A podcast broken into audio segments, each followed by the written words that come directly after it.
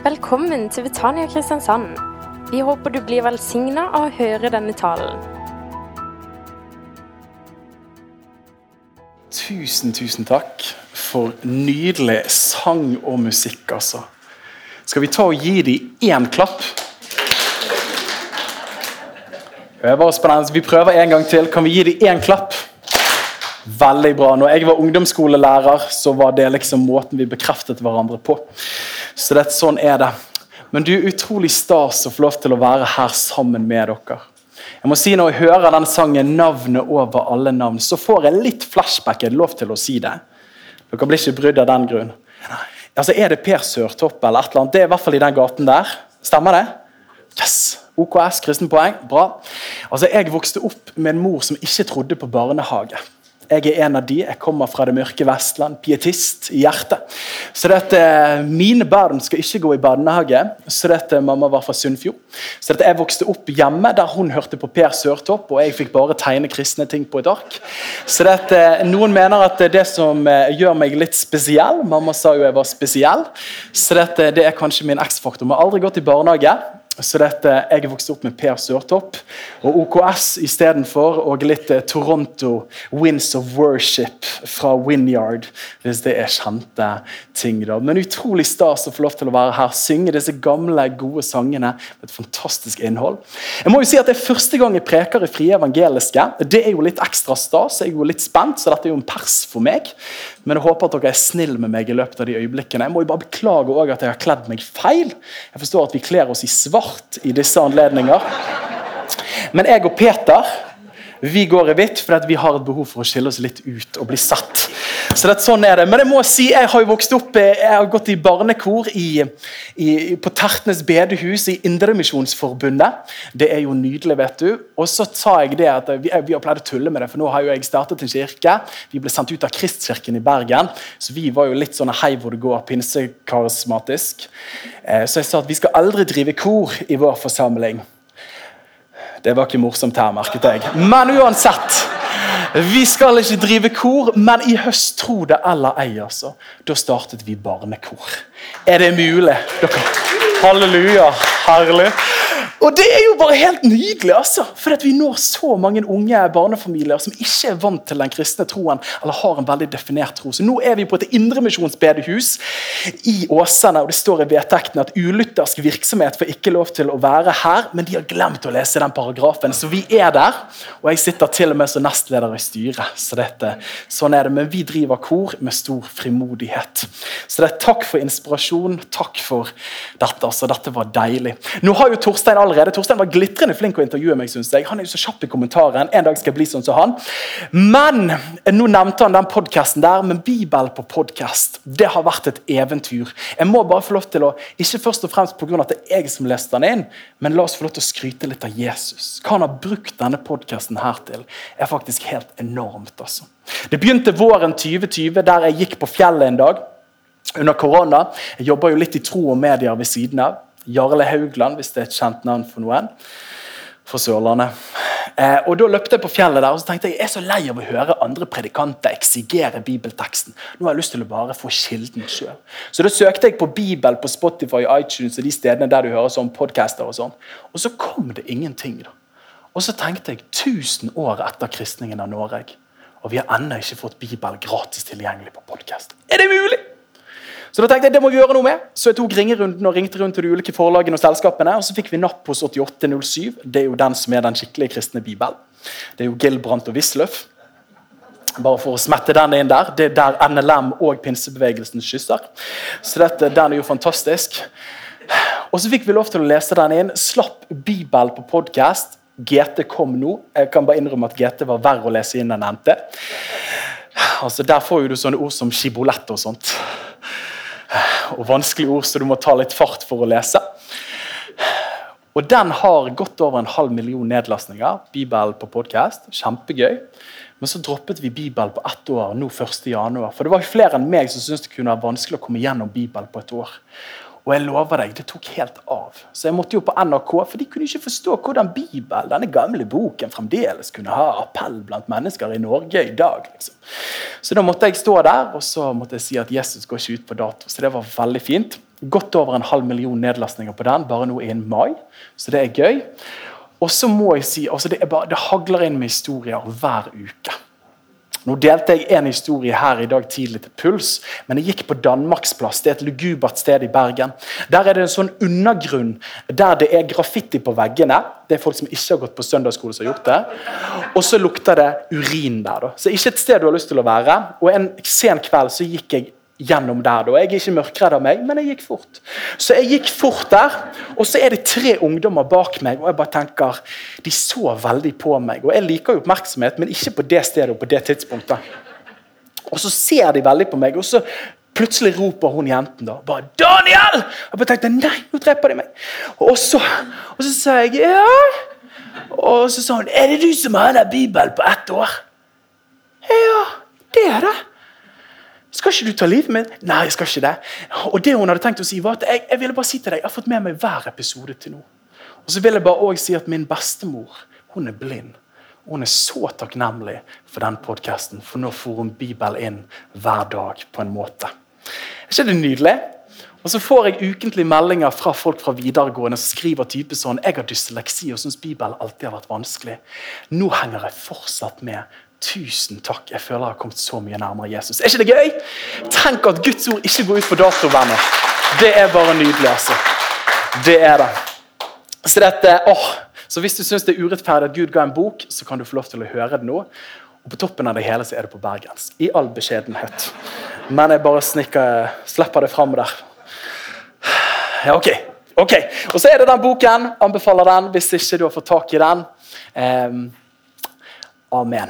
Du, vi skal ta og sprette ut fra et bibelvers bibel fra andre korinterne, det sjette kapittelet. Og Der taler Paulus til menigheten i Korint, og han taler vel så mye til oss i dag. Etter å ha ramset opp hvordan det ikke er noe fellesskap mellom det som er av Gud og det som er av djevel, så tar han og summerer opp eh, og det, han summerer opp den refleksjonen, og så sier han for dere, for dere er den levende Guds tempel. Ja, som Gud har sagt, jeg vil bo hos dem og vandre iblant dem. Jeg vil være deres Gud, og de skal være mitt folk. Jeg har jo lest den paragrafen her så mange ganger at det akkurat som det går litt inflasjon av og til i bibelversene. ikke sant? Men det som står der, er jo heftig. Hvilket løfte Gud gir til sitt folk. Jeg skal være deres Gud, de skal være mitt folk. Jeg skal vandre iblant dem. Jeg vil bo hos dem. Er det noe som har lyst til det? Ja takk, Herre. Jeg har valgt å kalle de ordene det er for sånn pistein. Jeg likte det. Jeg har valgt å kalle de ordene jeg skal dele i dag med 'For et liv i Guds nærvær'. Og Vi ber en enkel bønn. Far, vi takker deg for de øyeblikkene vi deler. Takk for at du er allerede ved din Hellige Ånd, så vi sang så vakkert. Takk for din godhet har etterjaget oss alle våre dager dit vi er i dag. Herre. Og takk for at vi kan hvile i visshet om at du vil fortsette å gjøre det inntil du kommer tilbake igjen. Herre. Vi ber hellige oss i sannhet. Ditt ord er sannhet. Og alt folket sa. Amen. Amen. Du, Guds nærvær. Jeg har jo vokst opp i en snill kristen familie.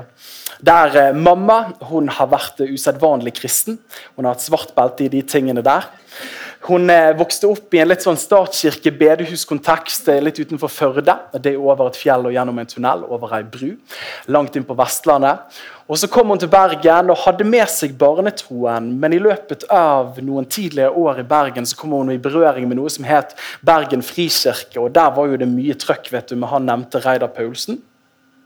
Så hun møtte Jesus veldig sterkt der og fikk et møte med Den hellige ånd. Og Det skulle vise seg å forandre familien vår. Det betydde at det ble mye Per Sørtopp, det ble mye Bjørn Aslaksen, og det ble mye lovsang i oppveksten hjemme hos meg. da.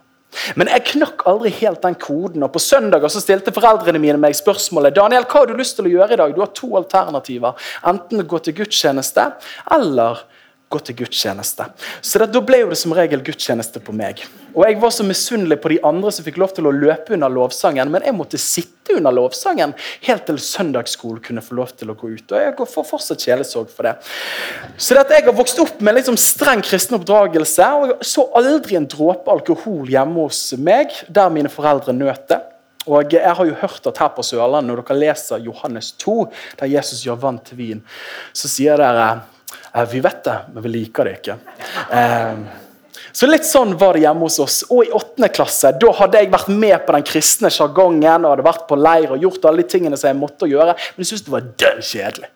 Og Hadde du da kommet og snakket til meg om Guds nærvær, så hadde jeg forstått ordet. For dette er jo forholdsvis selvforklarende i seg sjøl.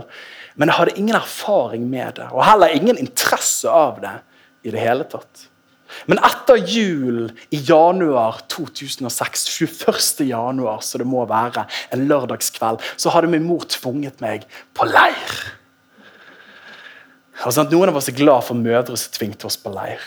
Jeg var uane og uvitende. Men husker predikanten sto og messet der, som heter Steinar Lofnes. Han hadde masse tatoveringer. vet du. Hadde mamma visst det, hadde hun aldri sendt meg. Men uansett, han sto der lørdagskveld, og så prekte han. Og så roper han ut på slutten 'Den hellige ånd er virkelig!' Og jeg bare, dette er herlighet, det er i hvert fall et eller annet her. Så Den hellige ånd er virkelig, og hvis du har lyst til å møte han, kan du få lov til å gå ned på knær akkurat nå. Og da tenkte jeg, På det tidspunktet hadde jeg tatt mer og mer avstand, men så tenkte jeg jeg har ikke noe å tape. Så jeg kan bare gå ned på knær. Så gikk jeg ned på knær sammen med de andre 25 stykker i rommet der cirka. Og så boom! Så skjedde det som jeg ikke hadde forventet. Og som jeg heller ikke hadde noe preferanse eller persepsjon for å forstå. Jeg hadde hørt om Guds nærvær, men jeg hadde aldri erfart Guds nærvær for min egen del. Hva skjer der? Plutselig så åpner tårekanalet seg, og jeg strigråter. Og du vet det er Gud når du gjør det foran masse jenter i 8. klasse. For det gjør ikke du frivillig. Og jeg gråt og jeg hulket. Og etter hvert så kom latteren. Hvis du har vært borti de sakene der, så er jo det litt gøy. Så begynte jeg å le og jeg tenkte herlighet, hva er det jeg er med på her, liksom? Og etter gode 30 minutter reiste jeg meg opp fra gulvet der. Og tanken dirret i mitt hode. Jeg kan aldri bli den samme igjen. For nå har jeg erfart noe jeg ikke trodde var virkelig. da. Jeg hadde hatt en personlig vekkelse.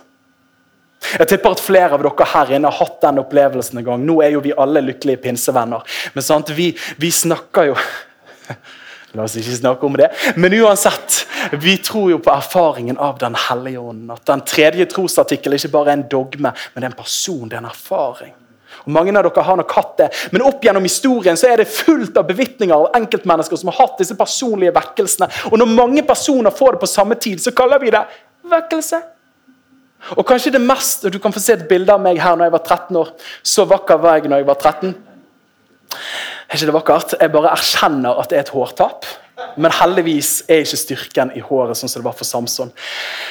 Men der var jeg 13 år. Men kanskje det nærmeste vekkelse på et globalt plan vi har fått lov til å erfare i det siste, det som skjedde i Asbury. Fikk dere med dere det? Sant? 8. februar så er det en litt sliten eh, lærer som skal ha en andakt og dårlig forberedt. og Han messer fra seg noe om Guds kjærlighet og så sier han, you're dismissed, go back to your class. Og så vil ikke de der ungdommene gå. vet du. Så uoppdratt. Så de blir bare værende der pga. at Guds nærvær var der. Det var noe der. Så begynner de å sende meldinger og så begynner de å legge det ut på TikTok. det er sånne kinesiske greier. Så begynner de å legge det ut der, og så kommer jo etter hvert hele verden. Og Så måtte de stenge ned møtene 24.2, for da måtte de lese litt før eksamen. sånn de kunne bestå. Men i snitt var det 15 000 mennesker som besøkte hver dag. Hvorfor det? For dette er en lengsel etter Den hellige ånd. Å, mine venner, altså! Jeg kjenner det i min ånd. Jeg tror Gud gjør noe i landet vårt i denne tiden. Er det flere som merke det? De tre siste ukene så har jeg vært forskjellige steder. Der tre møter. Der, når da møteleder sier at nå er det pizza i kafeen, så vil ikke ungdommene gå. På grunn av at de bare vil være igjen med Guds nærvær. Kunnskapsord ble delt, mennesker erfarer helbredelse. Hvorfor det? Jeg erfarer at det er en hunger etter en ny utøvelse av Den hellige ånd iblant oss. Jeg kjenner jeg blir giret.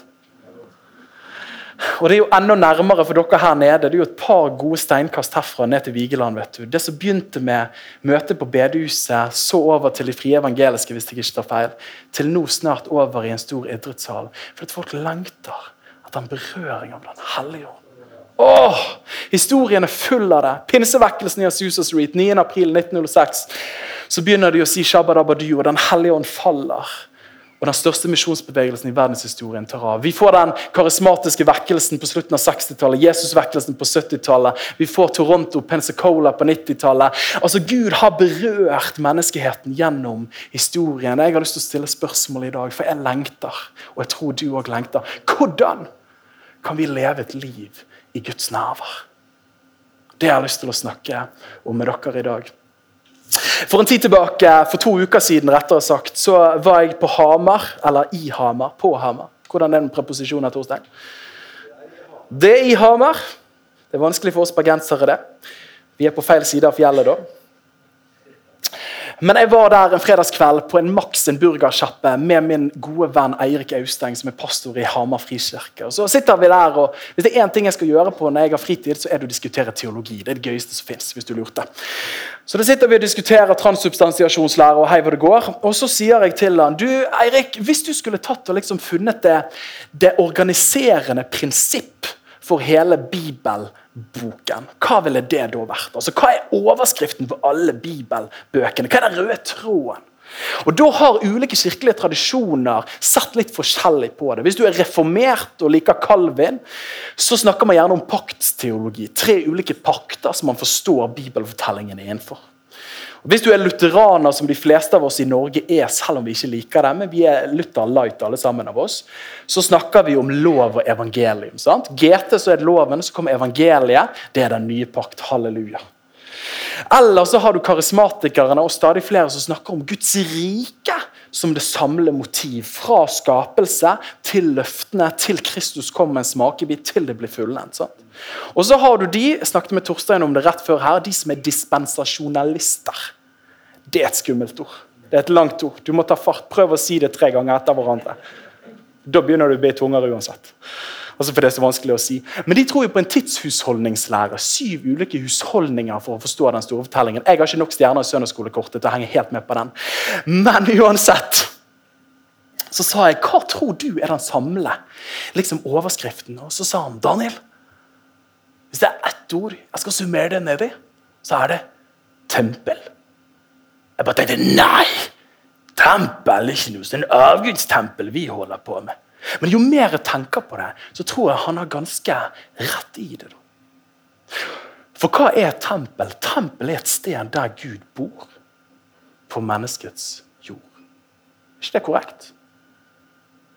Og Hvis vi da tar den store bibelfortellingen og vi begynner i Edens hage, hva er det som skjer der når Gud skaper? Han skaper dyrene, han skaper vannet, han skaper overflaten, han skaper vekster. Han skaper til slutt åsene, og så mennesker.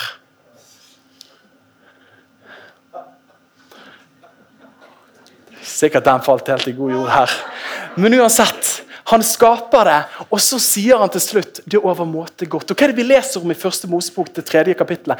Vi leser om at Gud vandret sammen med mennesket. I uavbrutt fellesskap med sin skapning vandrer skaperen. Og det er jo så vakkert!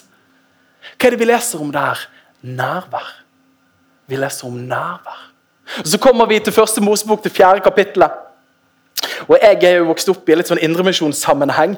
og Der står det også Sett fikk en sønn, altså Adam og Eva sin sønn Sett. Vi vurderte det til vår tredje sønn. Og han kalte ham Enosh.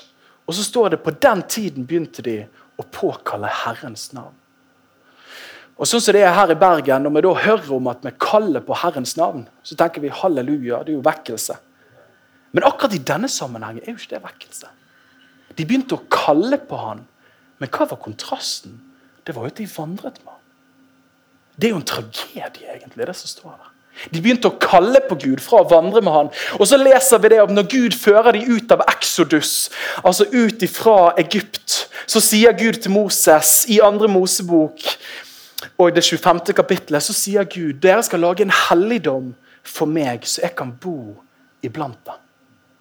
Hva er det vi ser der? Vi ser at Guds skaperintensjon og ønske om å være nær sin skapning.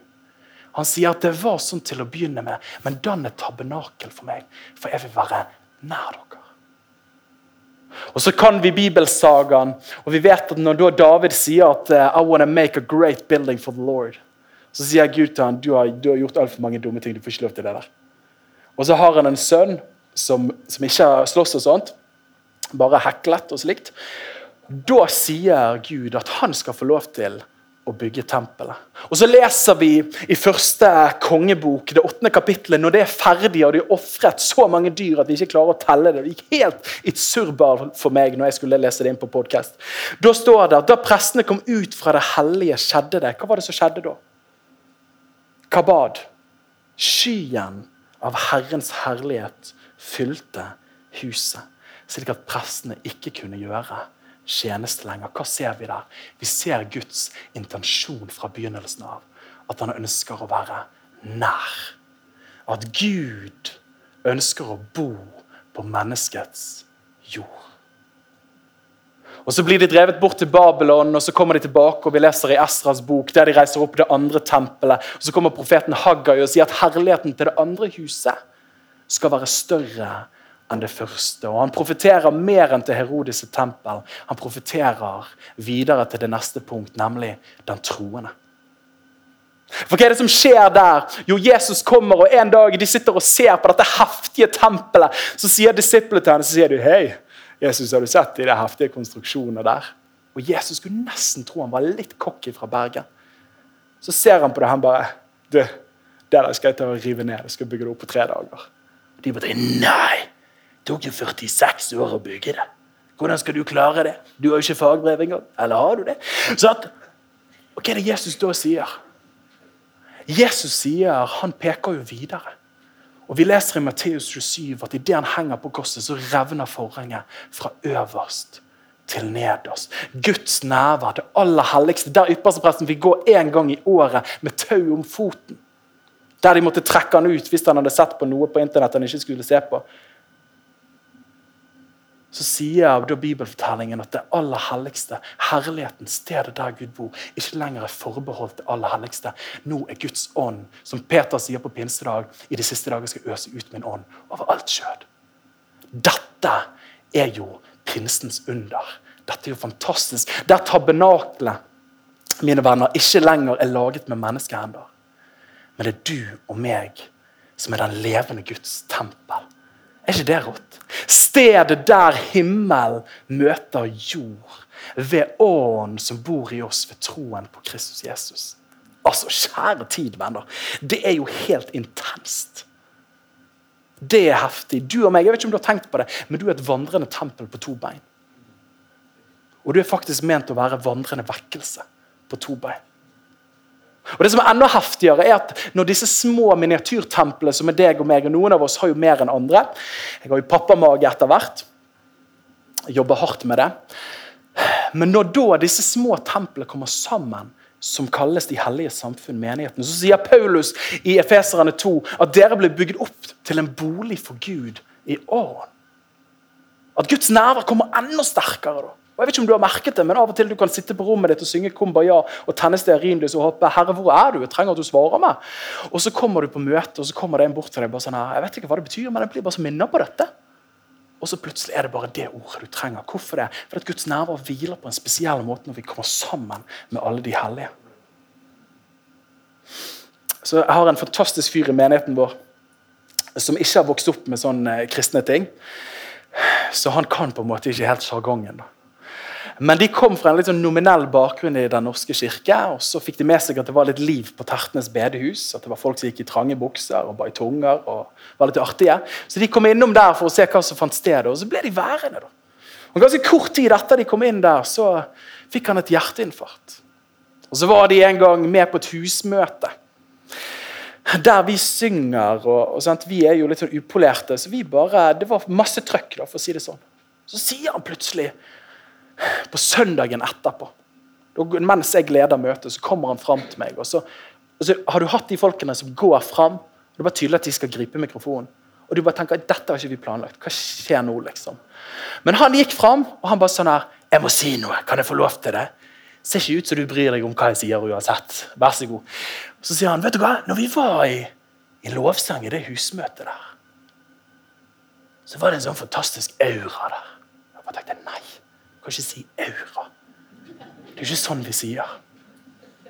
Guds nærvær var der. Det er ikke sånn New Age-tid. Så jeg korser meg sant? og gjør alt det. Men så sier han det var en sånn aura. Det var et sånt velbehag. Og siden det jeg kunne knapt gå til møtet uten å få store smerter i brystet. Nå kan jo jeg jogge, og jeg er jo ikke trent engang. Og det er ikke vondt lenger. Hva er det som skjer der? Når vi kommer sammen i de hellige samfunn, så kommer Guds nærvær. Men mer enn det Gud lover, og Gud lengter etter å være nær oss. Og det siste punktet som står der, Guds by. En dag, mine venner, så skal ikke Gud bare bo i deg og meg og i menigheten. Men en dag skal han komme tilbake igjen. Og Vi leser i åpenbaringen det 21. kapittelet. Og jeg hørte en høy røst fra himmelen som sa, Se! Guds bolig er hos menneskene. Og han skal bo hos dem, og de skal være hans folk. Gud selv skal være hos dem, og han skal være deres Gud. Gud skal tørke bort hver tåre fra deres øyne, og døden skal ikke være mer. Heller ikke sorg eller gråt eller smerte skal være mer. For de første ting er blitt borte. Så sa han som satt på tronen, se, jeg gjør alle ting nye. Hva er det vi hører her? Jo, det er bibelverset. Jeg skal være deres Gud, dere skal være mitt folk. Det er tempelspråk. Det handler om nærvær. Det møter vi i Eden, og vi møter det 28 ganger gjennom alle bibelbøkene. Helt til i slutten i åpenbaringsboken, der oppfyllelsen finner sted fullt og helt. Der Gud sier 'jeg skal være nær'. Og hvis jeg skulle valgt et ord Tempelet liker det, men jeg vil si at ordet for den store bibelsågeren er forening. Gud lengter, Hør meg rett. Ikke basarforening eller kvinneforening. Det han sier, er at Gud vil ha forening. Skaperen vil omfavne skapningen. Han lengter etter oss. Og Jeg hadde en utradisjonell ungdomspastor, men et av versene han tvingte oss til å lære, var Jakob 4,5. Der står det med nidkjærhet lengter Gud etter den ånd han lot bo i oss. Oversatt han Gud lengter intenst etter deg. Og ser, Er du med meg på bibelreisen her? Gud lengter etter nærvær. Han lengter etter forening med sin skapning. Og jeg synes Det er så oppmuntrende, mine venner. Det ledet til meg i 8. klasse. At jeg fikk en erfaring av hans nærvær. Det ledet til en forening med Gud. Men det er det som skjer på Vigeland, det skjer i Kentucky. Det har skjedd opp gjennom historien der Guds nærvær kommer. For det Gud har en svakhet, og det er deg. Men hva skjer når vi kommer inn i Guds nærvær? Første jeg har lyst til å si der, er hellighet. Kristuslikhet. Er ikke det et deilig ord, hellighet? Det er jo sånt ord vi ikke tør å bruke lenger, men vi trenger å ta disse ordene tilbake igjen. Vi trenger å make, it, make them great again. For dette er Bibels språk. og husker, Nå er jeg ute på jordet her, men jeg husker jeg satt med Reidar Paulsen en gang. Han var jo pastor i, i Frikirken i Bergen og senere Kristkirken. Og, og, så sa han Daniel, vi må bruke det bibelske språket.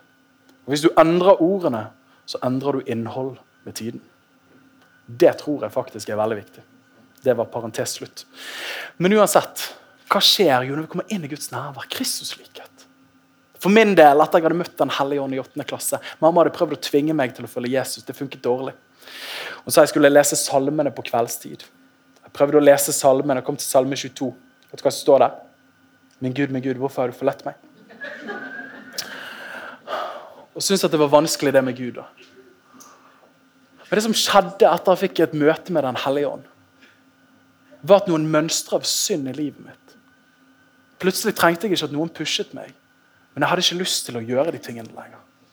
Og Jeg begynte å stjele Hillsong-plater. Stjele var ikke bra. Jeg lånte. Det var bra. Jeg begynte å stjele mye kristen litteratur. Jeg begynte å låne mamma sine Hillsong-plater og høre på det uten at noen sa jeg skulle gjøre det. Hva skjedde? Jeg begynte å lengte etter Jesus. 2. Korinterne 3,18 sier det at når vi er i Guds nærvær når vi ser Han med utildekket ansikt, så blir vi forvandlet til det samme bildet. Fra herlighet til herlighet. Hvordan skjer det ved Den hellige ande? står det. Når vi kommer inn i Den hellige åndes nærvær, så begynner vi å ligne på Jesus. Det er jo nydelig! Og Det er grunnen til at min kone av og til sier når jeg har vært sammen med familien, og hun merker at you got an attitude, sier hun Daniel, jeg tror du må trekke det litt tilbake. Så tror jeg du må huske at du har en bok som heter Bibel.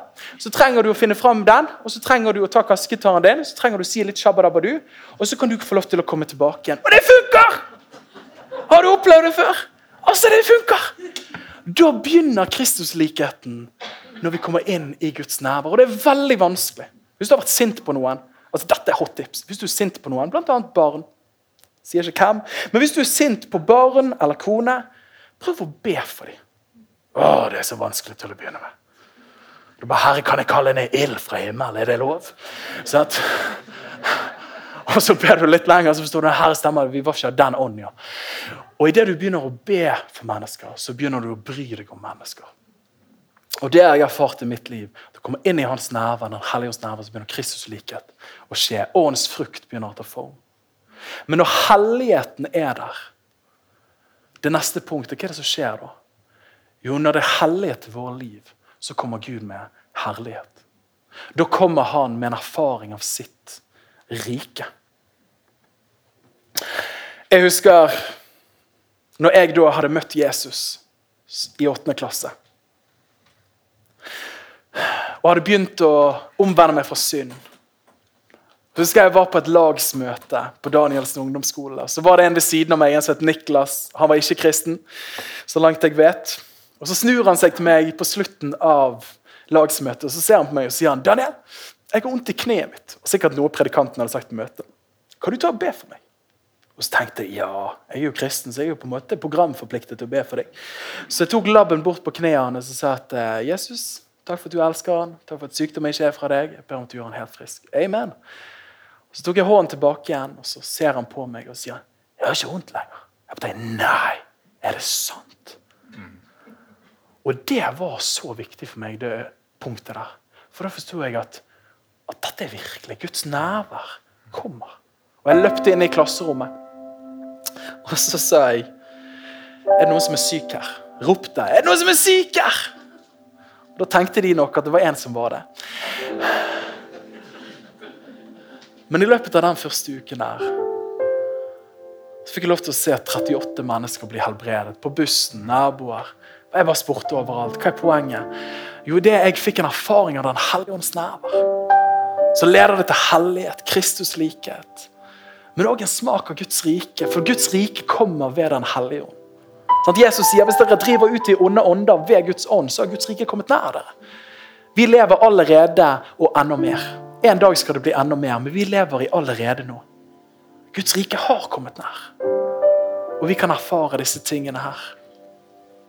Mennesker lengter etter en smak av Guds rike. Ikke bare åndens frukt i Guds nærvær, men åndens gaver. Og Da blir det siste spørsmålet jeg har lyst til å reise opp her, er Men hvordan kan vi leve til daglig i Den hellige ånd sitt nærvær? i Guds nærvær? Det er Guds drøm for oss. At vi lever i fortrolighet med Han, i forening med Han. Og da har jeg lyst til å si Jeg vet når jeg har vært mye med ungdommer, men uh, ungdom er jo bare Det handler om hjerteholdning, ikke alder. Så kan man av og til tenke at det er et A- og et B-lag i Guds rike. Har ikke mange av oss tenkt det før? Herre, du har dine marinejegere, og så har du dine menige som er meg, som sitter på en eller annen vaktpost og får sittesår. Herre, men det har jeg lyst til å si til deg, det finnes ikke et A- og B-lag. Og i Jesus Kristus så har vi every blessing, all åndelig velsignelse. Alle som har tatt imot Jesus, har Den hellige ånd. Det er så viktig å si. Du får den ved troen. Et bilde som har hjulpet meg, er en brannhydrant. I Bergen har ikke vi sånne, for det regner mye. Men men du kan være koblet på en brannhydrant. Men det er en annen ting å åpne opp og drikke. Alle kristne er koblet på. Du er podet inn. Du har blitt en del av familien. Du har fått farskap av Gud. Men drikker du av Den hellige ånd? en helt annen sak. Så hvordan kan vi leve et liv i Guds nærvær? Det første jeg har lyst til å si, er det vi kaller åndelige disipliner. Som er ytre praksiser som bønn, bibel, faste. Tiende. Sa han det? Ja, jeg sa det. Tiende. Gudstjeneste. Sabbat. Hvile. Enkelhet. dyder og disipliner som Bibelen har løftet opp gjennom alle tusen år, og Guds folk har praktisert. Men hør meg, de kristne disiplinene er et nådemiddel. Men det er ikke et nådemål. Det posisjonerer deg for hans nærvær, men det er ikke målet i seg sjøl. Så det kan hjelpe oss å leve i Guds nærvær. Men det jeg har lyst til å utfordre dere på i dag, er det å leve landet i Han gjennom hverdagen. En av mine helter heter broder Laurentius. Og Historien er om han at han ble født i 1614 i Frankrike. Sloss i 30-årskrigen og ble halvt resten av livet. Etter han hadde slåss der, så finner han ut at jeg skal bli karmelittmunk. Og han får ingen gjev posisjon. Han får ansvar for oppvasken. Det er jo før Electrolux og Bosch sin tid. Han får ansvar for oppvasken, og så blir han skomaker. Men historien skal ha det til at mennesker kom langveis fra bare for å se han vaske opp. Hvorfor det? Fordi ansiktet hans lyste. På grunn av Guds herlighet var over ham. Mennesker kommer der for å erfare Gud. Og Jeg syns det er så oppmuntrende. For hva handler det om? Jo, det handler jo om at vi alle er disse templene for Den hellige ånd. Som gjør at om du er sykepleier, om du er butikkmedarbeider, om du er ingeniør, eller om du er konsernsjef i Statoil, eller om du har en teologisk utdannelse fra MF, så kan du få lov til å være en bærer av hans nærvær. Han skrev 16 brev. De ble samlet i en bok som heter The Practice of the Presence of God. Som helt enkelt handler om to practice the presence. Hva handler det om? Jeg må løfte opp et ord for dere som skremte meg i mange år. Det er ordet kontemplativ. Og I hvert fall i våre sammenhenger så kjenner vi at vi får litt sånne rykninger når vi hører det ordet. der. Jeg har forbundet det med folk som tenner stearinlys og røkelse og er på retreat langt i en skau. Og jeg kjenner jeg blir redd. Men det ordet betyr jo helt enkelt kontemplativ. Det betyr å være i tempelet. Hva er poenget? Poenget er at Den hellige ånd bor i oss. Men jeg finner at min utfordring er at jeg ofte ikke er til stede i tempelet. At Den hellige ånd bor i oss, men det er ikke alltid jeg er hjemme. Enten framtid eller fortid, eller i bekymring eller jag. Jeg løper, men jeg lander ikke. Og Det er det ordet jeg har lyst til å løfte opp for deg i dag. Jeg har lyst til å oppmuntre deg til å lande i tempelet. Der Den hellige ånd bor i deg. Kan jeg være litt personlig med dere? Dette finner jeg å være det vanskeligste i min etterfølgelse av Jesus. Så jeg har øvd meg til hver morgen. Så har jeg en bønn der jeg ber. Og Det er ikke ordene som er poenget, men jeg prøver å si Jesus, jeg lander i deg i dag. Og i din nåde. Og du vet forskjell på når du sier ord, og når ditt hjerte lander. To vidt forskjellige ting. Sier jeg, 'Pappa Gud, jeg lander hos deg og i din kjærlighet'. Og det siste leddet, Hellige Ånd, jeg lander med deg og i ditt nærvær. Noen har brukt bilde av en due lever vi på en slik måte at Den hellige ånd som du kan være på vår skulder. Og så går vi i rytmen av å være landet i Den hellige ånd gjennom dagen. Eller løper vi og flakser fram og tilbake? Jeg gjør det for mye. Siste bibelvers, Jesaja 30, 15. Stillhet og tillit. Viktigste verset i mitt liv, tror jeg, hvis du skulle gitt ett bibelvers. Hvis dere vender om og hviler skal dere bli frelst. I stillhet og tillit skal dere styrke være. Stillhet handler om de ytre disiplinene, at du posisjonerer deg og stopper opp. Tillit handler om hjertets holdning, at du lener deg inn og lander. Og når vi gjør det, mine venner åh, Nå ble det litt sånn dypt, det her. Men jeg tror, hvis vi trykker det neste bildet, at et liv i Guds nærvær Jeg tror det er vår høyeste hensikt. Bibelfortellingen forteller det fra Eden til Guds by. Det er vår høyeste hensikt. Men det at du lever i Den hellige ånds nærvær, en smak av himmel på jord, er òg verdens håp. Det er òg din nestes håp. Siste vitnesbyrd forrige uke. Jeg har en nabo. Vi flyttet inn for noen år siden. En nabo som har fått med seg at han har en prest i gaten. Så han går og forteller andre venner at 'jeg har en prest i gaten', men han er ikke sånn som du tror. Han går ikke med kjole. Han er kul. Så det har jeg fått gjennom andre. Så spurte han meg forrige uke vil du være med og gå Stolsekleiven med meg. Det vil jo jeg ikke. Men så forsto jeg jeg må det. For han har spurt meg altfor mange ganger. Og Så går vi ned der, og det er første turen vi har sammen. Og plutselig så er han helt åpen. Så sier han, 'Vet du hva, Daniel? Jeg har så mye uro i livet mitt.'